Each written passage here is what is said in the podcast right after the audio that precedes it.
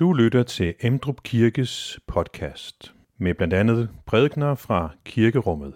Du kan læse mere om Emdrup Kirke på emdrupkirke.dk.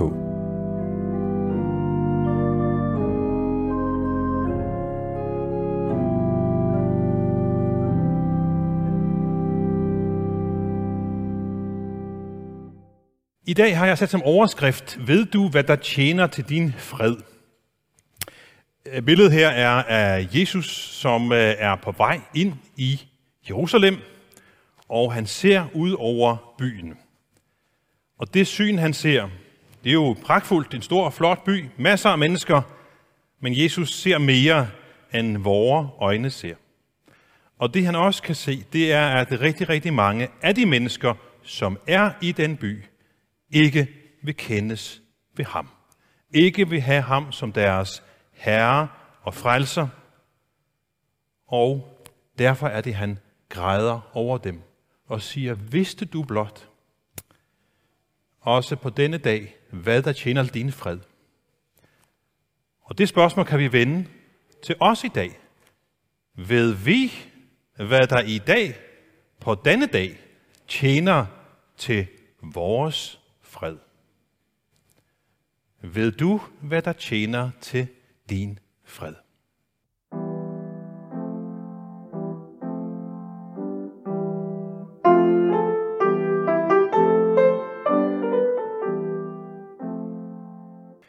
Da Jesus kom nærmere og så Jerusalem, græd han over den og sagde, Vidste blot også du på denne dag, hvad der tjener til din fred. Men nu er det skjult for dine øjne, for der skal komme dage over dig, da dine fjender skal kaste en vold op omkring dig, belejre dig og trænge ind på dig fra alle sider. De skal jævne dig med jorden og dine børn sammen med dig, og de skal ikke lade sten på sten tilbage i dig, fordi du ikke kendte din besøgelsestid. Så kommer han ind på tempelpladsen, og han gav sig til at jage dem ud, som drev handel der. Og han sagde til dem, der står skrevet, mit hus skal være et bedehus, men I har gjort det til en røverkugle.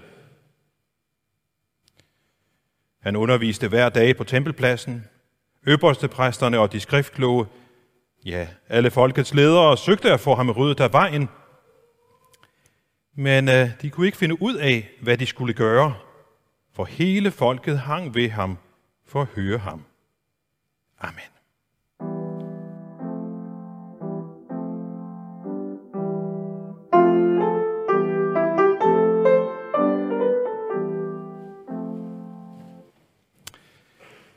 Vidste blot også du på denne dag, hvad der tjener til din fred.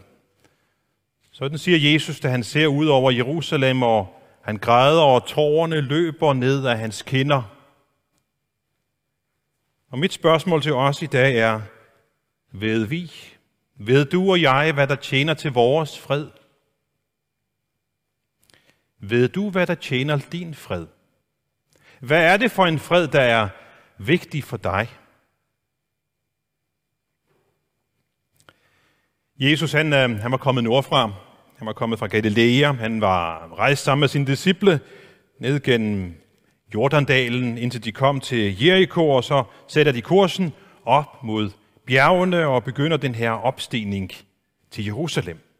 Så kommer de op på bjergkæden, og der kan de se over på Jerusalem. Den store kongeby med det flotte, storslåede tempel, omgivet af store og mægtige mure. Stanser Jesus der. Inden den sidste del af rejsen ned ad bjerget gennem Kedrondalen op mod byen, han stanser, og tårerne løber ned ad kinderne, han græder. Hvorfor i alverden gør han det? Græder han, fordi han er ondt af sig selv? Nej. Det er ikke sig selv, han har ondt af. Han græder over dem, der skal komme til at erfare konsekvenserne af deres afvisning af ham som deres herre og frelser.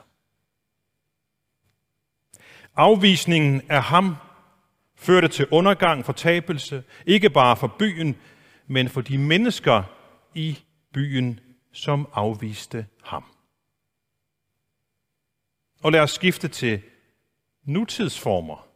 Fordi det er jo en sandhed, der også gælder i dag. Afvisning af Jesus som herre og frelser fører også i dag til fortabelse for dem, som afviser ham, fordi han er den eneste vej til Gud.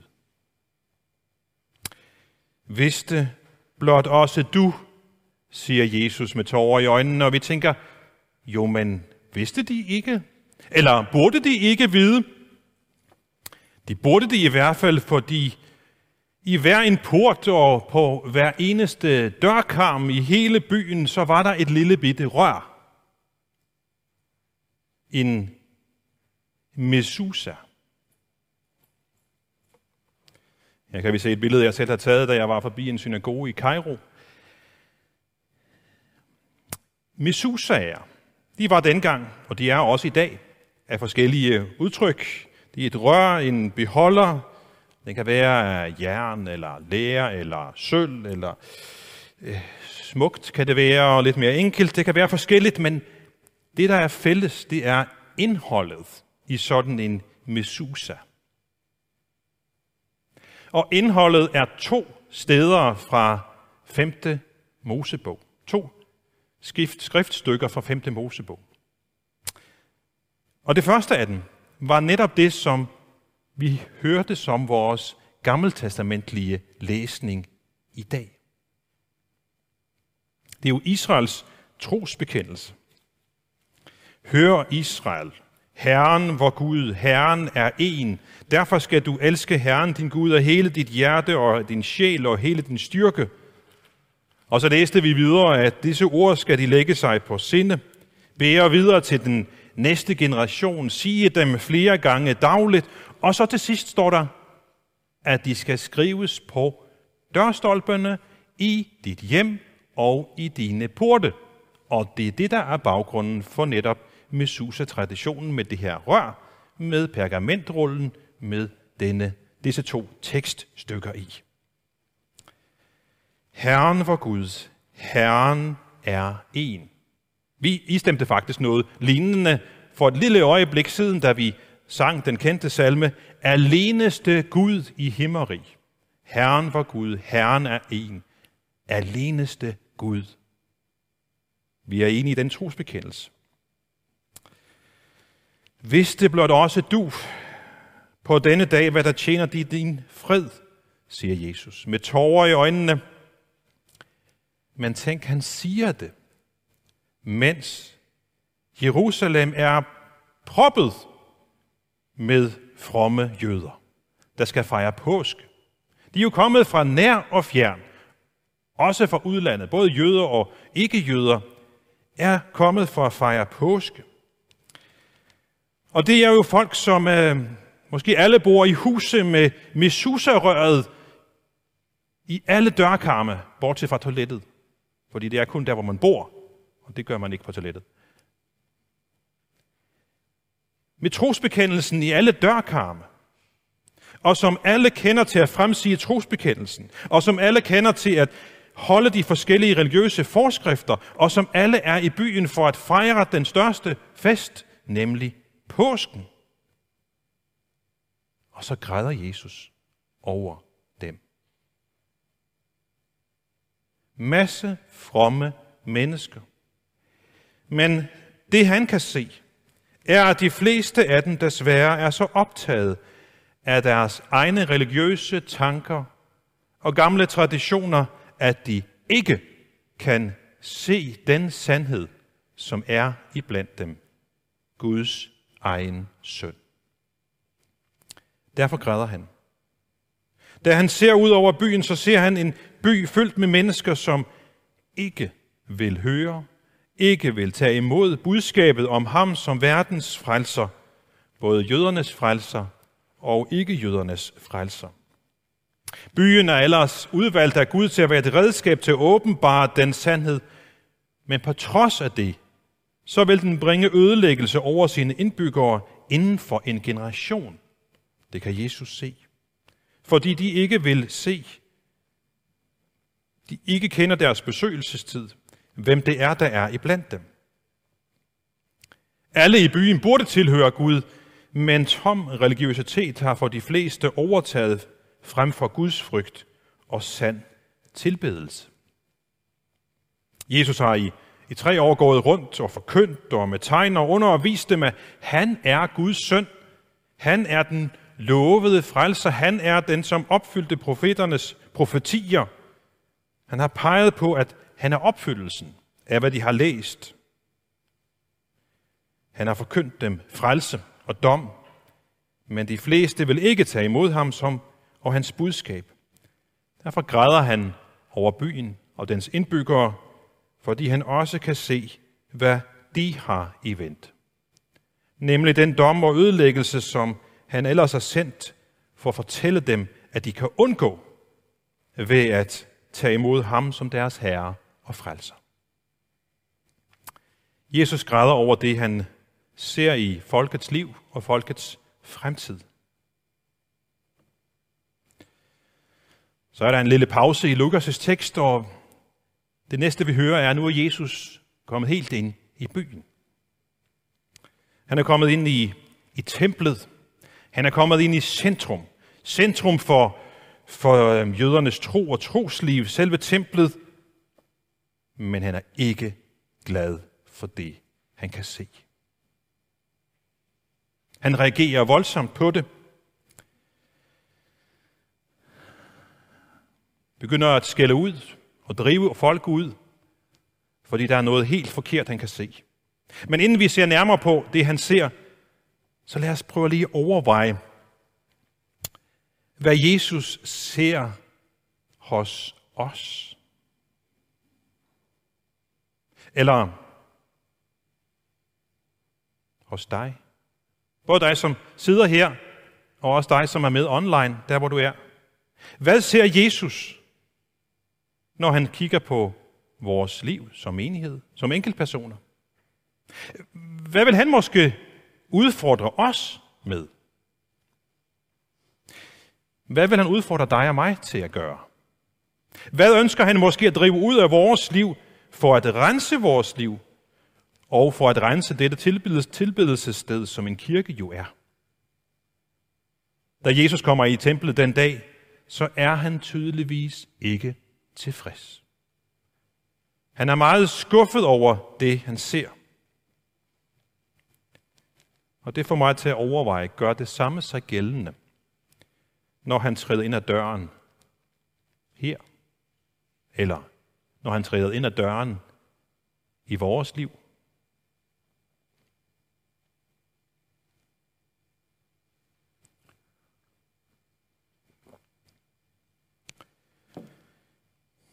Lad os vende tilbage til Jesus i templet.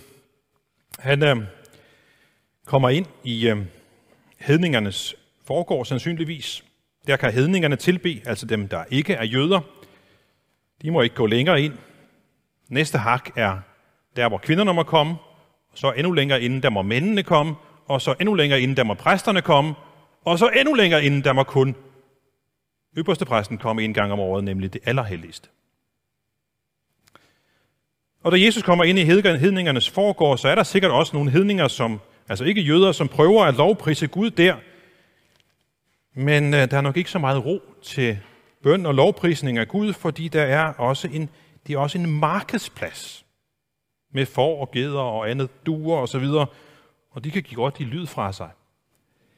Og det bryder Jesus sig ikke om. Der sælges dyr og afgrøder til dem, de ofre, som skal bringes i templet. De er måske også der, at Josef og Maria i sin tid købte det, de skulle ofre, da de kom med Jesus som lille barn. Der er også nogle vekselærer, fordi kommer der nogen med fremmede mønter, så skal de veksle, veksles til den lokale valuta, sikler for at kunne betale tempelskatten. Så det her er nødvendige funktioner. Men skal de nødvendigvis finde sted netop der? Det er tydeligt, at Jesu ord og disse handlende, de tænker mest på egen fortjeneste, har dårlige priser og dårlige kurser osv., og citerer profeterne, når han siger, at de har gjort templet til en røverkugle. Måske er problemet egentlig, at de forstyrrer hedningerne i deres tilbedelse af Gud der.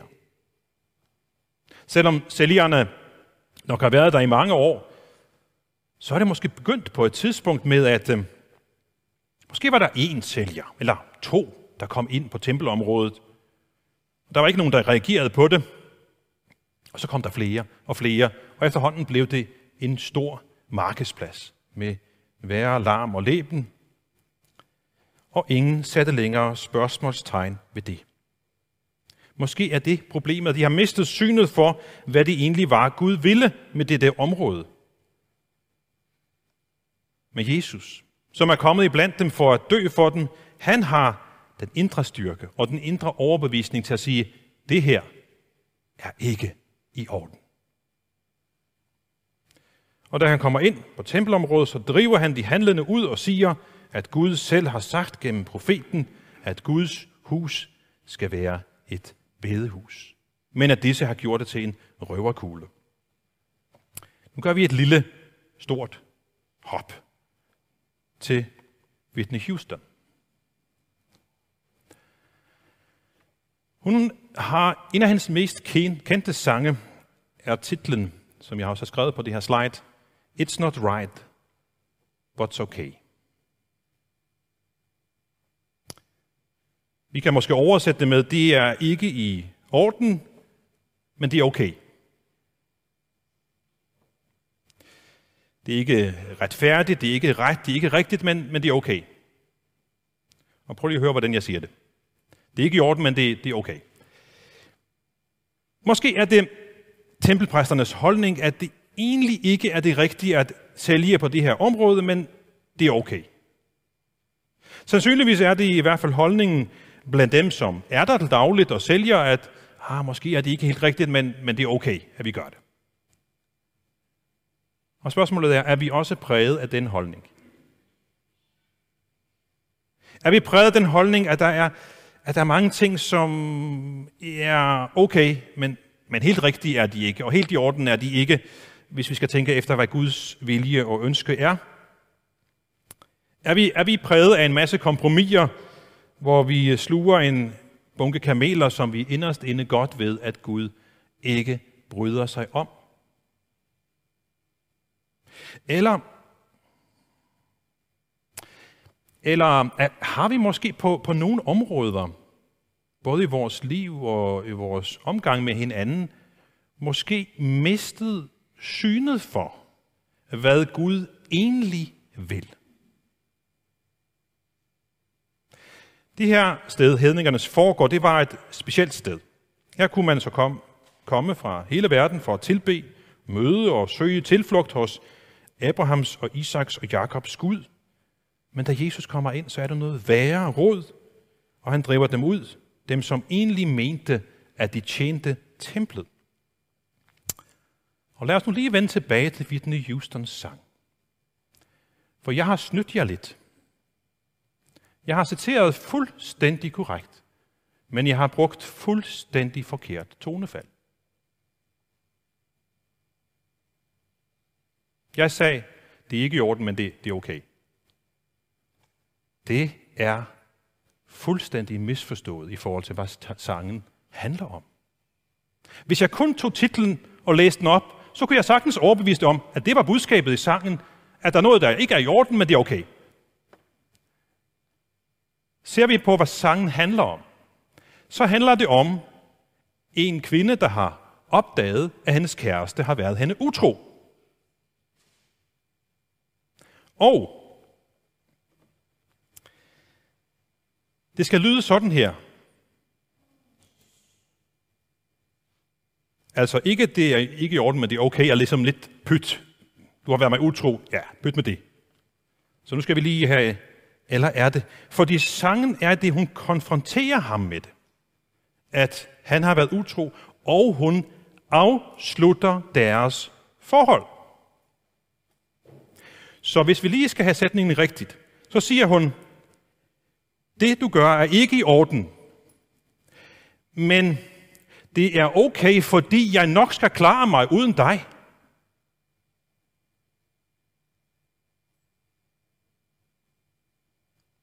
Det, han har gjort, får konsekvenser.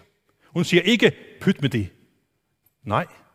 Det, han har gjort, som han har troet, han kunne skjule for hende, men hun har opdaget det på hans, hans kvittering osv., det får konsekvenser.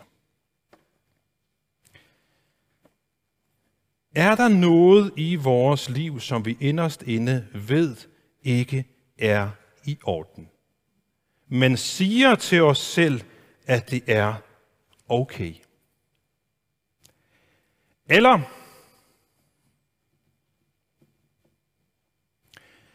eller, eller, eller er der måske noget i vores liv, som vi får år tilbage? Godt vidste ikke var i orden, men som vi valgte ikke at reagere på, og som vi over årene har vendet os til, og derfor i dag synes er okay.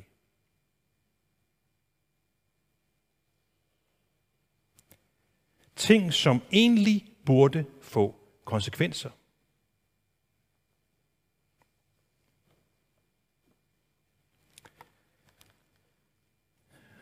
Og lad mig vende tilbage til det indledende spørgsmål til sidst. Ved du, hvad der tjener til din fred? Det tjener ikke til din og min fred, at vi over tid vender os til det forkerte i vores liv. Jesus han renser templet, hører vi. Paulus kalder os for Guds tempel. Er der noget, som Jesus skal have renset ud af vores liv? Og med det anfægtende spørgsmål i baghovedet, så kan vi glæde os over, at vores Herre og Frelser er i blandt os. Han er her. Vores besøgelsestid er ikke forbi. Han er i blandt os med sin nåde og fred, og det gælder stadigvæk, at enhver, som tror på ham, uanset hvor vedkommende måtte finde i sit liv, ikke skal fortabes ved troen på ham, men have evigt liv. Så han er her. Han er her og giver fred til forpinte sind, til dårlige samvittigheder. Uanset hvad der måske må, er dukket op i dine tanker under min, min prædiken i dag, som der måske er for brug for at få renset ud af dit liv, så er det den samme Jesus, som renser templet og som rækker os tilgivelsen. Det er den samme Jesus. Han er her med den fred, som han vandt os gennem sin død og opstandelse. Og i troen på ham, så kan vi få tilgivelse for alt i vores liv. Og i troen på ham har vi derfor adgang til fredens hjem, det nye Jerusalem, Guds bolig. Og det giver grund til at samles i lovsang og bøn i Guds hus, i glæde over, at der er fred og forsoning at finde hos denne Guds søn. Så det, der tjener til vor fred, er at holde os til denne Guds søn og hans tilgivelse. Amen. Lad os nu rejse os og i fællesskab med apostlene til ønske andre, hvor Herres Jesu Kristi nåde, Guds kærlighed og Helligåndens fællesskab være med os alle. Amen. Find flere podcast og læs mere på emdrupkirke.dk